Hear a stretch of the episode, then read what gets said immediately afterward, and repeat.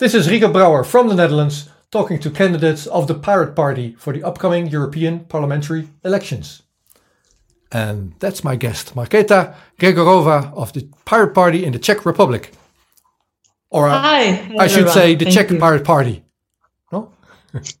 exactly. Welcome. So this interview is for uh, uh, our listeners and, and, watchers, people watching from uh, from your country, to get to know you as a candidate, and also for pirates from the other countries to see what's going on in Czech Republic. So to start off with, would you introduce yourself, uh, talk about uh, who you are, what's your profession, and your political experience? Okay, so hi, I'm Markéta. As Rico already introduced me, uh, I'm in the Czech Pirates for already six years, six and a half. And uh, there I'm actually uh, working for the Czech Pirates as the international coordinator. I'm also the chairperson of the European Pirate Party. And well, my political experience uh, right now, I'm a city councillor in uh, Brno city. That's the second largest city in Czech Republic, and uh, of course, I'm aspiring to be elected into the European Parliament. Otherwise, most of my activities within the party were volunteering, uh, you know, volunteer based. Uh, but um, I think I have already quite some experience with this stuff. So uh, I don't know when it was, like half a year ago, you had a massive victory with those local elections in Czech Republic. How did that work over the last couple of months? Uh, it was actually in 2017. Oh, sorry. The, the okay. times fast. Yeah. Yeah, I think actually it's working great. Uh, like we succeeded to build a good structure on which we can base everything. So uh, a lot of uh, people were actually afraid that the success in 2017 when we got into the parliament would uh, you know damage us because that it would be too much of a success and we would crumble you know but because we were already existing for like eight years uh, we had time to establish ourselves ourselves, uh, realize what we want and who we are.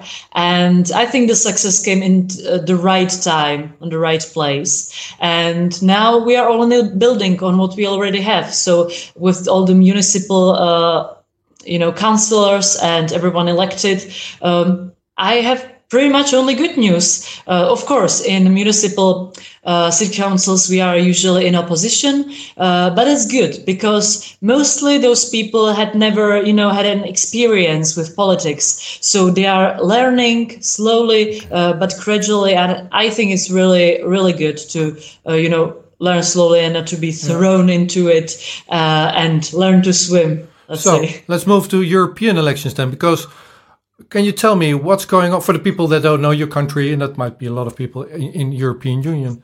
Um, mm -hmm. What's going on? What's the main area that these elections are about in your uh, country? What are the elections going to be about? Uh, well, uh, we have. I, I, will just set, set it up. We have 21 MEPs uh, as Czech Republic, and well, right now we have uh, mm, mainly like one issue that is of course migration. Um, but i hope that or, or, we are trying to shift this towards the real problems you know because of course only populists and extremists are trying to use this as a lift into the high politics. And we are trying to uh, cut them short because it's really we we think the European Union is really a good thing uh, with a lot of benefits and a lot of good stuff, and we don't want it to be taken from us uh, by these populists and extremists. Uh, so that's kind of the problem we as pirates in the Czech Republic are dealing with right now, and it's kind of our main topic. And uh, of course, oh, I don't know if you know it or the listeners in Czech Republic. There's one of the uh, uh, smallest turnout uh, it's like 18% in 2014. The small turnout was only in Slovakia, uh, which is our neighbor. So we really need to work on this because people don't know why should they even go to vote they don't know about the vote uh, they don't care about it because they think that brussels is too far away and they don't know what's being decided there and don't know that it's really important because like 60 to 80 percent of uh, the legislative that's being discussed in the Czech parliament actually comes from the European Parliament. So it is really bizarre that not even 20% are like deciding about who will be deciding about 80%, you know, of laws yeah. here. So that's also our like let's say core topic to inform people when we are in the European Parliament and even now what what is uh, being uh, in EU generally discussed, what's its purpose, and that's that it's peace project that we really want to keep. So you said the Brussels is like feels like far away from from where you are. Now for you as a candidate, it, it actually is a long way from home. So what is it in that in that job that you're looking forward to? the, definitely not the moving between Brussels and Strasbourg.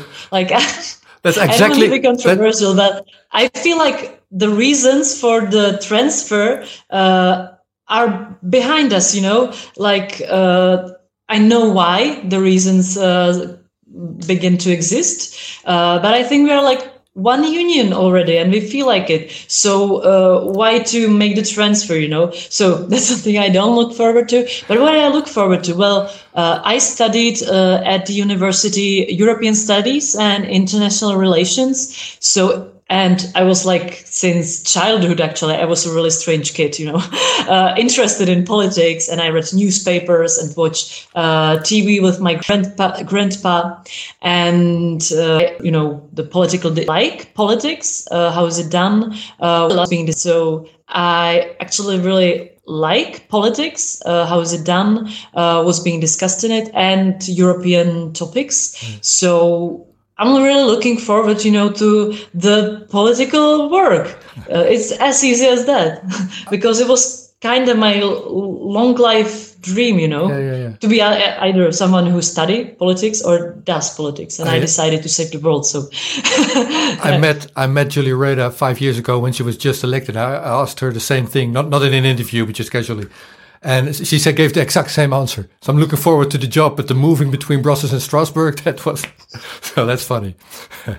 so, so um, how do you see the future of European Union for the next five years? What do you see developing with countries, yeah, fighting European Union or, or being critical of it?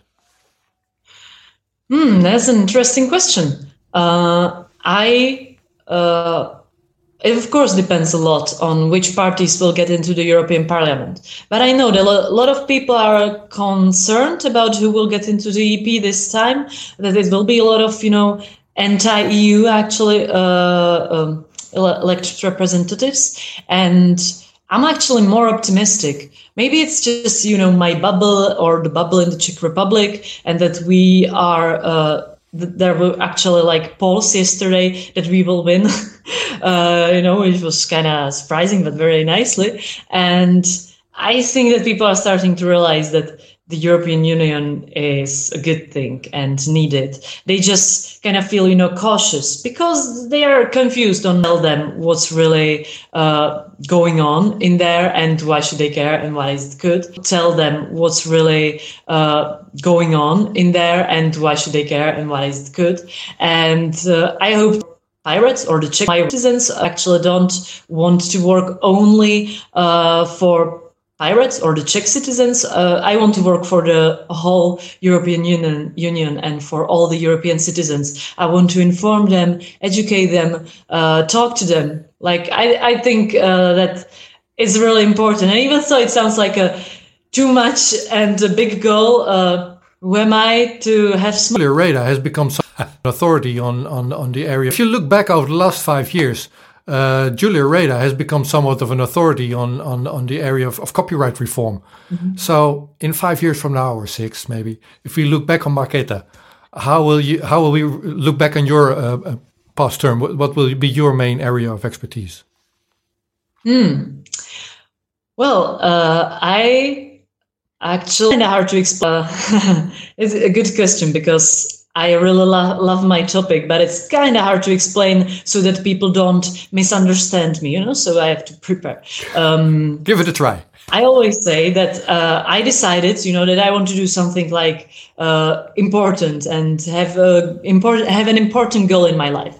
Uh, so, you know, I was wondering what to do, and I decided, well, let's build a world peace. And of course, I'm idealistic, but I also know uh, that you have to be pragmatic in some things. I know that within my short little lifetime, I won't be able to reach uh, world peace, but I can idealistically, you know, set up the goal and with baby steps go towards it. So uh, I cut this idealistic dream until the baby steps. And the first one and I actually think I can somehow somehow influence is, uh, you know, the expert of uh, arms and weapons into um, areas of crisis where there are uh, wars happening and human rights uh, are, uh, you, you know, being broken. So I think that's one of the um, one of the baby steps I can do now in my lifetime. And of course, it's kind of complicated because a lot of people are like, "So you're against weapons?" And I'm like, "No, actually, I played airsoft and I really loved it." and I think that there is a time and place for having, you know, a weapon as a hobby. Uh, I support it. Uh, I just don't want uh, these uh, weapons that we create here, and we actually have laws uh, that uh, ban to export it anywhere uh, into a you know crisis area. Uh, to be broken by I don't know we transport it to another country where it's all clear and nice and then uh, it suddenly disappears in that country because the country has um, much you know uh, of the weapons software well, there's a lot of stuff that can be done in this area. Or i'm already being briefed in all of it.